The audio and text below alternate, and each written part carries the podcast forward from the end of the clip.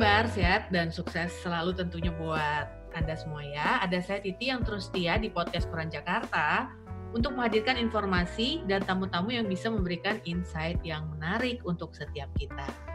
Oke Jakarta, kalau begitu langsung aja ya kita ketemu dengan tamu kita pada hari ini. Itu Dr. Dion Haryadi. Halo dokter. Hai, selamat siang.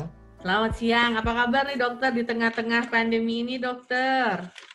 Baik, sampai sekarang masih baik. Oke, syukurlah ya dok. Nah, dok, terkait dengan kondisi sekarang nih dok, kita kan memang harus di rumah aja gitu. Gimana sih saran dokter untuk masyarakat agar bisa tetap untuk menjaga kesehatan gitu dokter? Oke, jadi sebelum saya mulai sebenarnya saya ingin kayak uh, memberikan satu informasi bahwa saya seorang dokter umum. Jadi memang saya memberikan konten seputar COVID-19 kebanyakan ada di TikTok sebagai salah satu media informasi di sana. Tapi apa yang saya berikan di sana informasinya uh, saya menggunakan berdasarkan WHO dan juga dari CDC. Jadi saya bukan ahli di bidang COVID-19 atau dan lain sebagainya. Jadi memang yang saya ambil yang saya berikan kepada publik itu adalah informasi-informasi sudah saya sampaikan sebelumnya dari WHO, dari CDC, dari dari sumber-sumber yang memang terpercaya, yang ada basisnya, evidence base-nya. Baru setelah itu saya tampilkan kepada teman-teman. Dan sebenarnya untuk menjaga kesehatan terutama di pandemi COVID-19 ini kembali lagi ke guideline-guideline tersebut yang sudah ada tersebut yang dikeluarkan oleh WHO, yang dikeluarkan oleh CDC, hmm. yang di-endorse oleh pemerintah Indonesia bahwa sebenarnya yang perlu kita perhatikan adalah yaitu untuk menjaga kebersihan tubuh, terutama hmm. kebersihan tangan kita ya, hmm. lewat mencuci tangan, menggunakan air mengalir dan sabun setelah itu minimal 20 detik atau menggunakan 6 langkah WHO itu. Itu salah satu caranya kalau misalnya nggak ada sabun, kita juga bisa menggunakan hand sanitizer. Kalau misalnya lagi di luar kan agak sulit ya, mau menggunakan sabun dan juga air mengalir.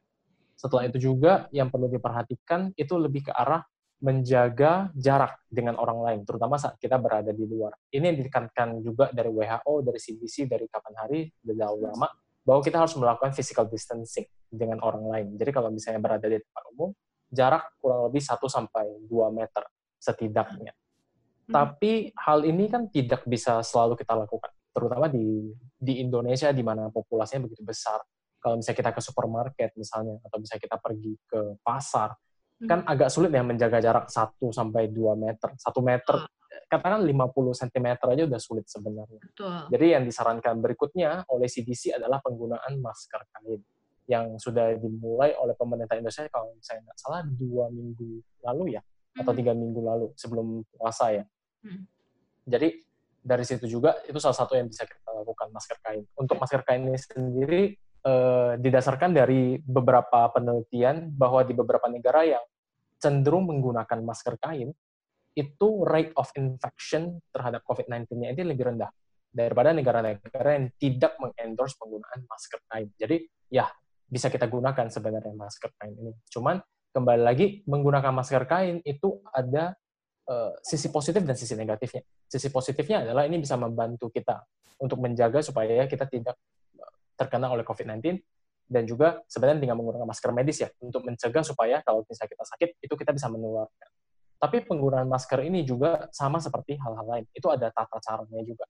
Ini yang sering saya perhatikan juga, terutama kalau misalnya lagi di tempat umum, menggunakan masker itu ada tata caranya. Jadi ya kita harus pegang dari loopnya. Setelah itu pada saat di luar juga seingat mungkin, seusaha mungkin ya, bisa mungkin kita tidak memegang daerah wajah bagian depan lagi. Karena bagian wajah paling depan ini asumsinya adalah bagian yang paling kotor. Bagian ini yang terkena oleh virus. Jadi ini udah nggak boleh dipegang lagi. Jadi sekali udah pakai, ya udah sekali pakai aja. Jadi nggak disentuh-sentuh lagi, nggak diutak-atik lagi, dan seterusnya. Seperti Jadi kalau itu. saya ini nggak bisa, nggak boleh pegang yang di bagian depan ini ya dok? Mm -mm, asumsinya nggak boleh. Oh. Karena kita menganggap bahwa bagian depan ini sudah terkena oleh partikel-partikel, bakteri, dan juga virus. Sehingga ini sudah bagian yang kotor. Hmm. Kecuali seperti ini, kalau misalnya kita pakai masker kain, terus misalnya mau makan nih, hmm. terutama tapi sekarang bulan puasa ya, tapi kalau misalnya kita mau makan atau mau minum buat teman-teman yang muslim, ada satu cara yaitu kita bisa menyiapkan mungkin satu wadah atau satu tisu biasanya kalau saya. Jadi saya lepas dulu, setelah itu bagian yang luarnya ini biasanya saya taruh di tisu tersebut atau taruh di kotak tersebut. Jadi istilahnya itu tidak kontak dengan uh, surface yang lain, tidak kontak dengan permukaan yang lain, hmm. meja atau misalnya kasur dan lain sebagainya yang mungkin hmm. bisa disentuh oleh orang lain. Jadi bisa saya taruh di tempat itu, Baru setelah itu di atasnya saya taruh lagi tisu. Jadi istilahnya bagian belakang dan juga bagian depannya itu tidak terkena kontak sama sekali. Itu salah satu triknya juga. Baru setelah kita makan, minum, udah selesai, baru kita pakai lagi. Gitu. Oh, oke, oke, oke. Ya, dokter, kalau uh, kita bisa minum obat atau suplemen nih yang berguna hmm. untuk menjaga imunitas tubuh. Nah, menurut hmm. saran dokter nih, suplemen hmm. yang uh, bagaimana yang mungkin ada isinya apa-apa dan segala macam gitu. Hmm. Yang berguna ya untuk hmm. masa sekarang ya. Hmm. Oke. Okay. Jadi sebenarnya menunjukkan pertanyaan pertama tadi saya belum jawab secara baik. Jadi oh, okay. kalau pada saat uh, sorry, jadi pada saat uh, COVID-19 seperti ini yang perlu diperhatikan, yang banyak orang perhatikan itu adalah kesehatan diri sendiri. Jadi kesehatan diri kita bagaimana dan bagaimana mendapatkan status kesehatan yang optimal salah satu yang paling diperhatikan sekarang adalah sistem imun tubuh terutama. Hmm. Nah, sistem imun tubuh itu hmm. um, harus dilihat sebenarnya kalau saya bilang itu seperti sebuah tangki. Jadi sebelumnya, sebelum era pandemi COVID-19, kita tidak terlalu memperhatikan masalah nutrisi sama sekali. Makan sembarangan, seadanya aja. Sayur-sayuran, buah-buahan, suplementasi, semuanya kita nggak nggak peduli. Jadi yang kita pedulikan adalah yang penting makan aja, yang penting saya senang, ya udah dapat makanan yang diinginkan, minuman yang diinginkan, Nah, oh ada orang lain. Iya dokter, uh, kita ada uh, TikTok juga yang oh, bergabung. Oke. Okay. okay. silakan dokter. Jadi Terima kalau kasih. jadi setelah era pandemi COVID-19 ini, kita mulai lebih memperhatikan hal-hal ini. Jadi yang sebelumnya sistem imunnya tangkinya itu mungkin kita isi hanya seperempat full atau misalnya seperenam full, hmm. sekarang kita akan mengisinya karena sudah lebih aware ya terhadap kesehatan, makannya lebih baik, berolahraga, sistem imunnya kita jaga, hmm. mikronutrien dan lainnya kita perhatikan, sistem imunnya kita isi tangkinya lebih tinggi lagi. Hmm. Tapi sistem imun itu bukan sesuatu yang bisa tiba-tiba di boost tinggi banget, hmm. enggak. Tapi karena kita sekarang lebih memperhatikan dan kita makan sebagaimana harusnya, maka sistem imun kita akan meningkat. Seperti hmm. itu sebenarnya. Jadi um, dari guideline-guideline yang ada mengenai nutrisi untuk COVID-19 dan seterusnya tidak banyak berubah dari yang sebelumnya. Hmm. Dari guideline nutrisinya ya, tidak ada banyak berubah. Ya makanlah dengan gizi dan porsi yang seimbang. Setelah itu perhatikan kayak garamnya, gulanya, jumlah hmm. minyaknya, uh, konsumsi daging merahnya diperhatikan. Hmm. Seperti itu. Nggak banyak berubah sebenarnya. Hmm. Yang lebih diperhatikan dari guideline yang berubah, misalnya dari WHO itu adalah seperti ini jangan sering makan di luar. Itu salah satu yang dirubah oleh WHO. Jangan sering makan di luar, jadi lebih sering makan di dalam rumah. Karena kalaupun kita makan di luar, banyak uh, tempat, istilahnya kita agak sulit ya mau menjaga jarak ya dengan orang lain. Apalagi kalau misalnya kayak makan di warung, misalnya makan di tempat-tempat yang lebih sempit misalnya, kan hmm. agak sulit mau jaga jarak dengan orang lain. Hmm. Nah, itu juga salah satu permasalahannya. Jadi lebih baik sebenarnya kita makan di dalam rumah. Tapi untuk segi nutrisinya sendiri, nggak ada yang banyak berbeda. Kalau misalnya kita mau menggunakan satu panduan, kita bisa menggunakan panduan dari Kemenkes RI, Kementerian hmm. Kesehatan Republik Indonesia. Jadi menggunakan yang namanya isi piringku. Jadi kita bayangin satu piring, kita bagi menjadi enam bagian yang sama besar. Dua per enamnya kita isi dengan makanan pokok, karbohidrat. Jadi nasi, kentang, umbi-umbian, singkong misalnya. Hmm. Lalu seperenam lainnya kita isi dengan protein. Protein termasuk di dalamnya daging ayam, kambing, ikan, telur, uh, tempe, tahu. Mm-hmm. Baru 2 per 6 lainnya kita isi dengan saus sayuran. Ini yang penting, saus sayuran ya. 2 per 6. Dan seperenam sisanya kita isi dengan buah-buahan. Dengan cara begini, sebenarnya kita bisa memastikan porsi dan juga gizi yang kita makan itu seimbang. Mm-hmm. Itu yang pertama. Jadi kalau misalnya kita sudah memastikan porsi dan gizi kita seimbang, harapannya sistem imun tubuh kita akan terjaga dengan baik. Hmm. Tapi permasalahannya adalah tidak semua orang bisa memenuhi gizi seperti ini. Kalau sekarang saya tanya kepada 10 orang, mungkin cuma beberapa yang bisa memenuhi uh, porsi sayurannya setiap hari. Nah, ini yang jadi masalah. Karena sayur-sayuran itu mengandung vitamin dan mineral yang banyak, yang penting untuk sistem imun. Maka dari itu, kalau misalnya dari makanan real foods itu tidak bisa dipenuhi, baru kita beralih ke uh, suplementasi. Uh, -huh. Kalau, nah, oke. Okay. Hmm. Kalau ya, untuk suplemennya nih dok, yang ya ya pasti uh, betul lah setuju gitu dokter bilang hmm. yang penting tuh makanannya dulu yang diperbaiki gitu kan ya kemudian kalau hmm. tadi dokter sampaikan suplemen gitu Nah, suplemen yang, yang tambahan itu yang baik untuk dikonsumsi saat ini yang yang mengandung apa ya, Dok? Nah, suplemen sebenarnya harus melewati pemeriksaan lab dulu. Itu yang sebenarnya paling. Uh, yang kemarin sempat kontroversi itu masalah vitamin D. Jadi kita berjemur apa enggak, yeah. ya kan? Yeah. Nah, padahal uh, dari vitamin D sendiri itu kita harus mengetahui dulu dari periksa lab dulu defisiensi apa enggak. Contohnya misalnya orang tua saya itu sudah melakukan pemeriksaan vitamin D dan memang e, mereka memiliki defisiensi terhadap vitamin D. Maka dari itu saya memberikan suplementasi vitamin D tersebut untuk mereka. Tapi ada juga yang menyatakan bahwa um, ini saya nggak tahu ya, don't quote me on this, tapi bahwa ada sebagian besar orang Indonesia, sebagian besar masyarakat Indonesia itu mengalami defisiensi vitamin D. Walaupun ini belum bisa kita pastikan karena kita nggak melakukan penelitian dan lain sebagainya.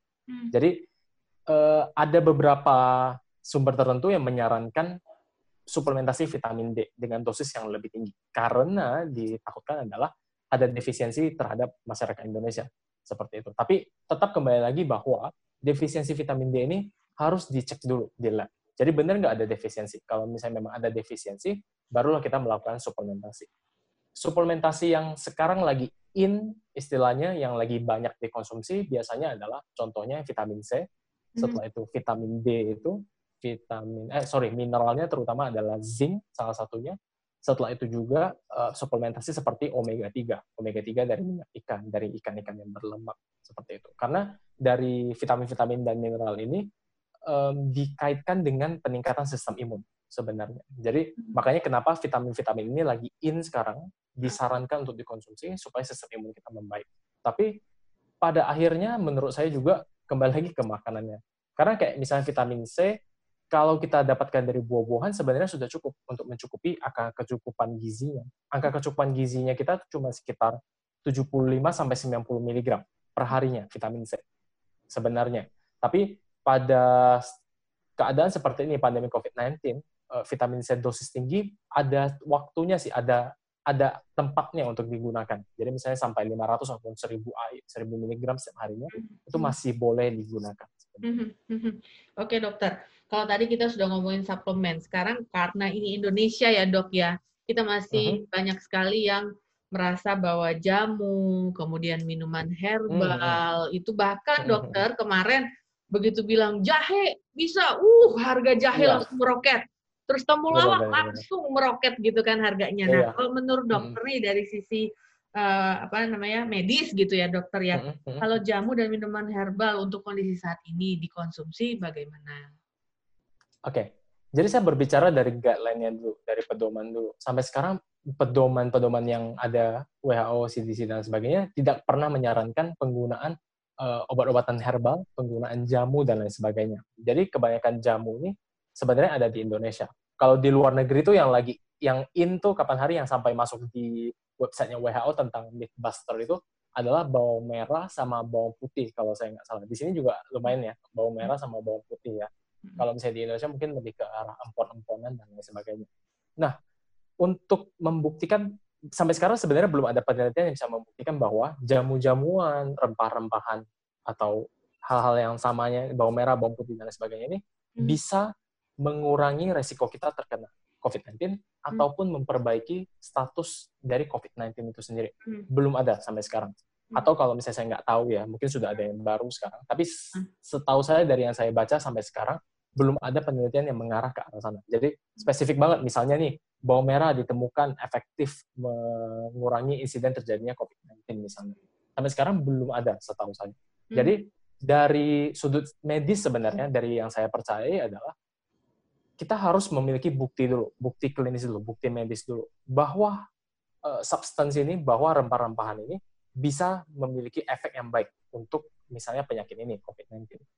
Karena gini, ada kemungkinan efeknya baik, ada kemungkinan efeknya buruk. Dan dengan rempah-rempahan, dengan jamu-jamuan, efeknya ini bisa ditenggarai oleh berbagai macam masalah. Misalnya nih, saya merebus rempah-rempah dengan jadi merebus rempah-rempah otomatis waktunya berbeda, mm. suhu yang digunakan juga berbeda, air yang digunakan juga berbeda, jumlah rempah-rempahan dan lain sebagainya juga sangat berbeda. Jadi dosis yang saya punya dan dosis yang Mbak Titi punya itu otomatis juga akan berbeda. Mm-hmm. ini yang perlu diperhatikan di sini. Jadi kadang-kadang bisa dosisnya terlalu tinggi, kadang-kadang bisa dosisnya terlalu rendah sehingga tidak ada efektivitasnya sama sekali. Hmm. Jadi tidak ada standarisasi yang pas sebenarnya untuk menentukan apakah ini bisa memperbaiki COVID-19, bisa meningkatkan sistem imun dan lain sebagainya. Itu sih sebenarnya. Dan um, ya, menurut saya sih gimana ya? Kalau misalnya teman-teman memang mau minum jamu-jamuan tersebut, selama berada dalam dosis yang baik sebenarnya, setelah dikonsultasikan dengan dokter sih lebih baik kalau hmm. misalnya mau menggunakan telemedicine menggunakan aplikasi-aplikasi telemedicine, jadi bisa berkonsultasi dulu dengan dokternya, pastikan bahwa keadaan teman-teman sekarang itu aman untuk mengkonsumsi jamu-jamuan ini. Kalau misalnya memang aman dengan dosis yang sesuai, sudah di oke kan sama dokternya misalnya, ya silakan sebenarnya. Mm -hmm. Mm -hmm. Oke dokter, jadi curhat ya dokter ya. Kemarin mm -hmm. karena saya ibu-ibu ya, saya kemarin mm -hmm. uh, dua bulan yang lalu beli bawang bombay itu satu biji sepuluh ribu. Sekarang satu kilo udah cuma dua puluh lima ribu. Berarti itu artinya memang karena bawang bombay tidak terbukti, akhirnya harganya turun sendiri. Ah, oh gitu ya? Turun ya justru ya? Iya turun gitu. Oh, Dan okay. yang sekarang yang masih harganya uh, apa huh? sama itu jahe. Jahe, Jadi itu yang okay. pertama kali uh, apa pandemi ini mulai uh, hit, kemudian sampai dengan hari ini yang harganya masih uh, stabil itu jahe, maksudnya stabil mahal ya dok? Dibandingkan stabil mahal ya. Berapa sih sekilo sekarang? Sekarang empat puluh ribu ya, empat puluh ribu gitu. Oh wow, sebelumnya berapa? Sebelum pandemi? Hmm, sebelumnya bisa lima belas ribu, bisa. Oh wow, tiga ratus dua ratus tiga ratus persenan. Nah, ya lumayan. Oke. Okay. Uh, dok, kalau uh, ngomong-ngomong di rumah saja nih dok, kalau hmm? tadi dokter sudah bicara makanan gitu ya, hmm? Hmm. kalau berada di rumah aja nih cenderung males ya dok ya, beraktivitas iya, dan ngapa-ngapain gitu ya dok ya. Hmm, Gimana nih hmm. dok, saran dokter supaya nggak jadi malas? Hmm? Uh -uh, dan tetap melakukan hal-hal yang berkaitan dengan hidup sehat. Hmm, Oke. Okay. Jadi um, dari era sebelum pandemi COVID-19 dan setelah pandemi COVID-19 ini sebenarnya kita udah harus beradaptasi. Maksudnya sudah ada perubahan. Pandemi COVID-19 ini bukan masalah yang kayak mungkin seperti banjir atau misalnya seperti kebakaran misalnya. Yang istilahnya kita selesaikan bisa dalam waktu lebih singkat. Mungkin satu bulan, satu minggu. Setelah itu kita bisa kembali lagi ke rutinitas kita yang lama. Permasalahan dengan pandemi COVID-19 ini adalah permasalahan seluruh dunia yang mungkin bisa berlangsung lebih lama dari apa yang kita perkirakan. Jadi sudah harus mulai ada adaptasi dari perubahan dari kebiasaan kita yang lama ke rutinitas kita yang baru. Hmm. Jadi seperti sekarang sebenarnya sudah mulai terlihat adaptasi itu di masyarakat, terutama penggunaan masker kain. Setelah itu juga lebih sering mencuci tangan, lebih perhatian terhadap kebersihan, terhadap kesehatan dan seterusnya. Hmm. Walau dan adaptasi-adaptasi di bidang ekonomi dan lain sebagainya. Baik banget kayaknya sekarang uh, kafe yang jualannya lewat online, jualan kopi-kopi susu botol dan lain sebagainya, mereka juga ikut beradaptasi. Dan ini juga penting kita perhatikan terutama untuk teman-teman yang mungkin bekerja di rumah ya. Itu juga harus ada adaptasi, harus ada rutinitas yang berubah dan mengikuti pola yang seperti sekarang. Kalau misalnya dulu mungkin kita tidurnya salah satunya ya kita mulai dari aspek tidur dulu misalnya. Hmm. Tidur dulu mungkin kita bisa lebih pagi, hmm. terus habis itu bangunnya juga lebih awal karena kita harus uh, commute ke tempat kerja kita. Setelah itu ada waktu yang harus diperhitungkan untuk itu. Setelah itu ada waktu untuk bekerjanya dan lain sebagainya lebih fix dan seterusnya. Tapi kalau kita sekarang sudah bekerja di rumah, work from home, tidurnya bisa aja kebablasan. Karena kita tahu, oh besok hmm. pagi saya nggak perlu bangun terlalu pagi, karena saya udah nggak perlu commute lagi sama sekali. Yeah. Chill, santai aja saya di rumah pokoknya. Ya mungkin yang biasanya tidurnya jam 10, sekarang tidurnya jam 11 jam 12 Netflix duluan sampai sampai sampai tidur lah intinya mm-hmm. baru setelah itu bangun pagi biasanya mungkin bangun jam 5 atau jam 6 sekarang bangunnya menjadi jam 7 atau jam 8 baru habis itu nggak langsung mandi juga masih bisa santai-santai sarapan dan sebagainya karena kita kan work from home tidak ada sesuatu yang bisa kita ini eh, nggak ada sesuatu nggak misalnya nggak ada kewajiban yang harus diikuti mm-hmm. jadi selama work from home ini ya kita harus mulai beradaptasi terhadap itu kita harus mulai sadar oh ternyata saya tidurnya mulai nggak ini ya, mulai malam ya. Itu juga yang saya sadari setelah dua minggu kurang lebih uh, ada perubahan di seperti ini karena saya seharusnya biasanya saya nge-gym pagi banget. Saya nge-gym biasanya jam 6 pagi. Mm-hmm. Jadi saya bangun subuh itu jam setengah lima pagi saya udah bangun untuk minum workout meal saya dulu. Hmm. Baru saya pagi jam 6 saya ke gym, jam 8 saya udah siap-siap sampai di rumah, mandi dan lain sebagainya, jam 9 saya udah pergi praktek. Hmm. Tapi karena ada work from home ini, ada perubahan di gymnya, karena udah nggak bisa nge-gym sekarang, akhirnya ada sedikit rasa males di diri saya untuk hmm. bangun lebih pagi. Hmm. Jadi karena udah tahu, oh besok saya nggak perlu bangun setengah lima, kan nggak bisa nge-gym kan. Karena olahraga di rumah kan lebih santai, lebih nggak banyak lah istilahnya. Jadi saya bisa tidur lebih uh, lama. Nah, karena saya tidurnya lebih malam, yang biasa saya tidur jam 9, sekarang jadi jam 11, mm-hmm. waktu tidur saya otomatis juga shift. Habis itu juga berubah. Kadang bablas lah, kadang uh, kurang lah. Waktunya mm-hmm. menjadi tidak teratur. Nah, hal ini mm-hmm. harus disadari dulu oleh kita, terus kita harus mengubah dari situ. Karena waktu tidur yang disarankan itu kurang lebih 7 sampai 9 jam. Mm-hmm. Kalau misalnya kelebihan di atas 9 jam juga, itu sebenarnya juga tidak baik. Bisa membuat kita grogi biasanya di pagi hari.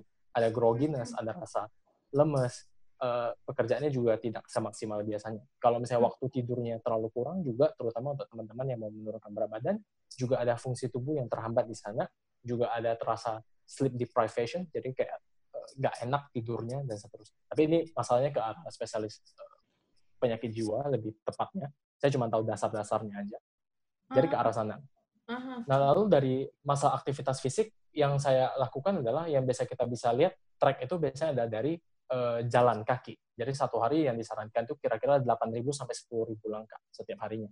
Tapi kalau misalnya di rumah aja kan agak sulit. Apalagi kalau kita bekerja di laptop, habis itu udah hmm. kerja biasanya kalau udah fokus banget kan malas mau gerak lagi. Atau kalau misalnya lagi santai-santai di sofa lagi nonton kan malas banget mau gerak. Jadi itu yang kita harus mulai biasakan untuk ingat. Mungkin satu jam sekali, peregangan diri, stretching, jalan-jalan sedikit keliling rumah, setelah itu usahakan bisa mencapai 10.000 langkah. Itu salah satu yang gampang. Atau misalnya bersih-bersih, sapu-sapu, beres-beres. Kalau misalnya uh, ibu-ibu misalnya ada, uh, sorry ya, punya anak, ya mungkin uh, tidak berbeda jauh ya. Maksudnya kita masih punya kesibukan lain. Saya juga punya anak.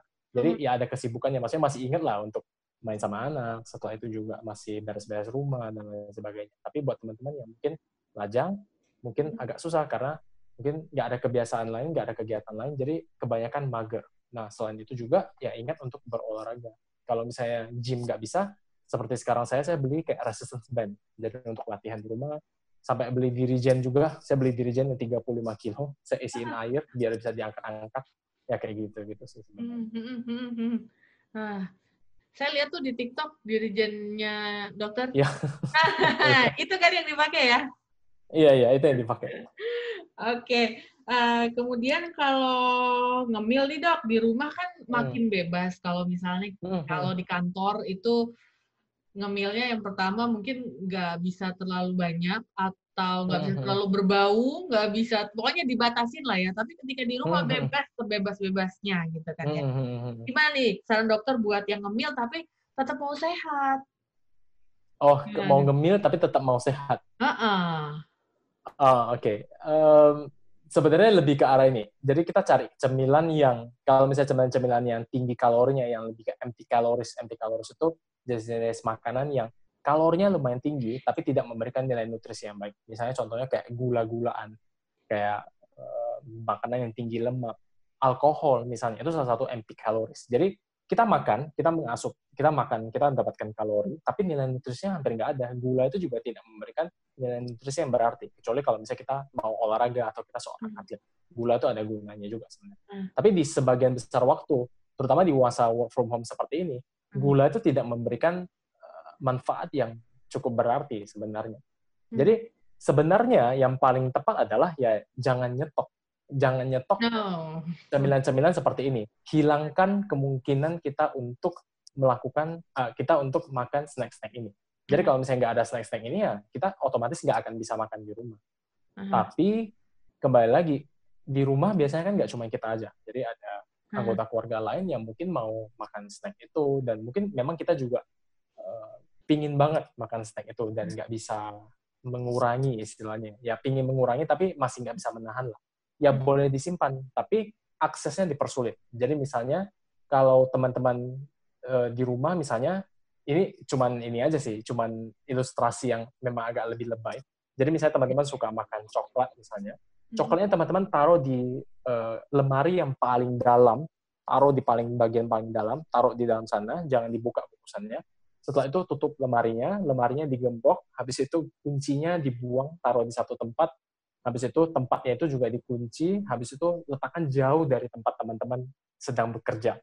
Mm-hmm. Jadi dengan begitu, teman-teman mempersulit akses teman-teman terhadap snack tersebut.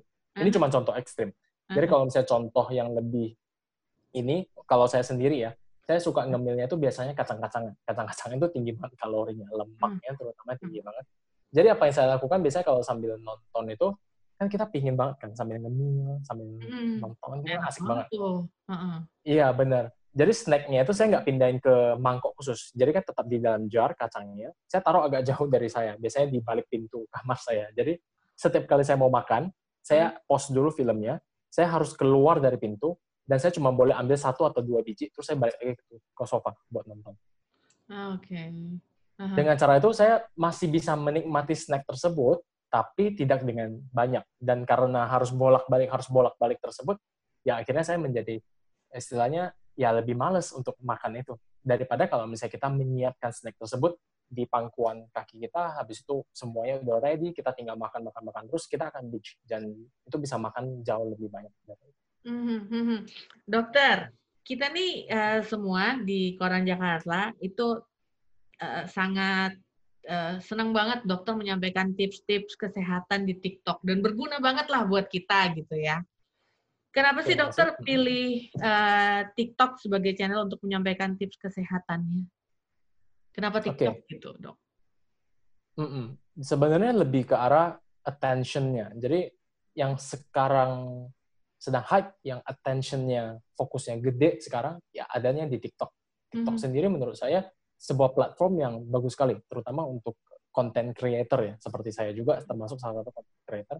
Dan dalam formatnya yang lebih pendek itu berbeda dengan misalnya uh, platform lainnya. Karena formatnya yang lebih pendek kita bisa menyim, memberikan informasi yang lebih ringkas menurut saya. Kadang-kadang juga bisa kita isi dengan sedikit komedi, agak-agak witty di dalamnya.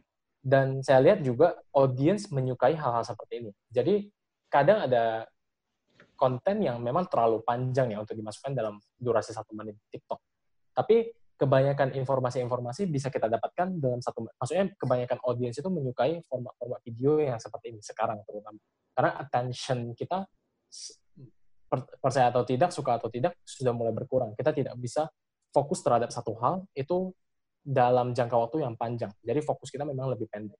Nah, TikTok itu mengambil uh, momen ini menurut saya mengambil kesempatan ini dengan cukup baik. Jadi attentionnya ada di sana, audiensnya juga uh, menyukai hal-hal seperti ini. Mereka bisa menyerap informasi lebih cepat, lebih mudah dengan konten yang seperti ini. Dan untuk konten kreatornya juga memberikan, maksudnya untuk konten kreatornya sendiri mendapatkan uh, editing tools yang sangat mudah. Beda banget TikTok hmm. dengan yang lain menurut saya. Karena di TikTok benar-benar hmm kita cuma perlu handphone aja, kita cuma perlu akses internet aja, kita udah bisa kayak bikin video, nggak perlu ribet-ribet sama sekali. Hmm. Di handphone aja kita udah bisa lakukan sebenarnya. Uh, dokter pertama kali awal mula memutuskan pakai TikTok itu kapan ya dok? Tahun lalu, pastinya di akhir tahun. Tapi saya September ya atau kapan ya? Saya agak lupa nih. Boleh mungkin cek di TikTok okay. saya, saya lupa. Benar-benar okay. lupa. Dokter. Tahun lalu lah. Uh, dokter ada tips nggak untuk buat konten kesehatan di TikTok nih buat uh, para uh, Jakarta pendengar uh, podcast Peran Jakarta yang kepengen bikin hmm. uh, apa namanya konten TikTok gitu dokter? Oh oke. Okay. Uh, paling penting sebenarnya menurut saya konsistensi. Jadi di awal itu sendiri saya untuk bikin akun TikTok ini di awal juga tractionnya nggak begitu banyak, interaction dengan teman-teman juga nggak sebanyak ini, followersnya juga sedikit yang nonton juga paling cuma beberapa puluh orang biasanya satu kali saya upload. Tapi eh, ketertarikan saya terhadap bidang ini, terutama terhadap bidang nutrisi, terhadap bidang fitness itu cukup tinggi, besar.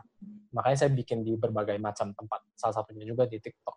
Hmm. Dan kalau misalnya teman-teman memang menyukai konten kesehatan, teman-teman memang menyukai konten ini, nggak cuma konten kesehatan sih ya sebenarnya, konten-konten lainnya juga. Hmm. Teman-teman mau menekuninya, ya otomatis teman-teman akan melakukannya secara sukarela. Kalau bahasa itunya ikigainya, jadi ketemu hmm. ikigainya. Kalau misalnya seperti ini ya, kalau teman-teman sudah menemukan ikigainya misalnya di bidang X untuk misalnya konten apa pun, misalnya di TikTok, ya teman-teman akan melakukannya dengan sukarela, dengan senang hati. Dan ya tetap aja lakukan. Setelah itu konsisten juga and be yourself. Jadi jangan gimana ya pura-pura jadi orang lain gitu. Kelihatan nggak sih kalau misalnya kita fake gitu? Uh, jadi orang lain yang berbeda gitu. Uh -uh. Ya seperti itu. Dan jadi nggak asik ya dok? Mm -mm. Uh -uh. Oke, Dokter Dion Haryadi, banyak banget sharingnya. Terima kasih iya. banyak iya. Iya, untuk sama -sama. bisa memberikan insight yang berbeda di podcast Koran Jakarta. Dan Jakarta juga nanti bisa melihat wawancara ini di halaman alun-alun di Harian Umum Koran Jakarta. Baik, Dokter Dion, terima kasih. Sukses terus kasih, dan sehat terus. Juga. Oke, terima kasih, Dokter. Iya, Oke, Jakarta, demikian interview kita hari ini bersama Dr. Dion Haryadi dan uh, hasil kerjasama juga untuk TikTok. Makasih Mbak Seva, makasih Mbak Nida. Dan semoga Jakarta bisa mendapat insight yang berbeda ya dari interview kita tadi. Saya Titi undur diri, tetap sehat, tetap semangat. Bye!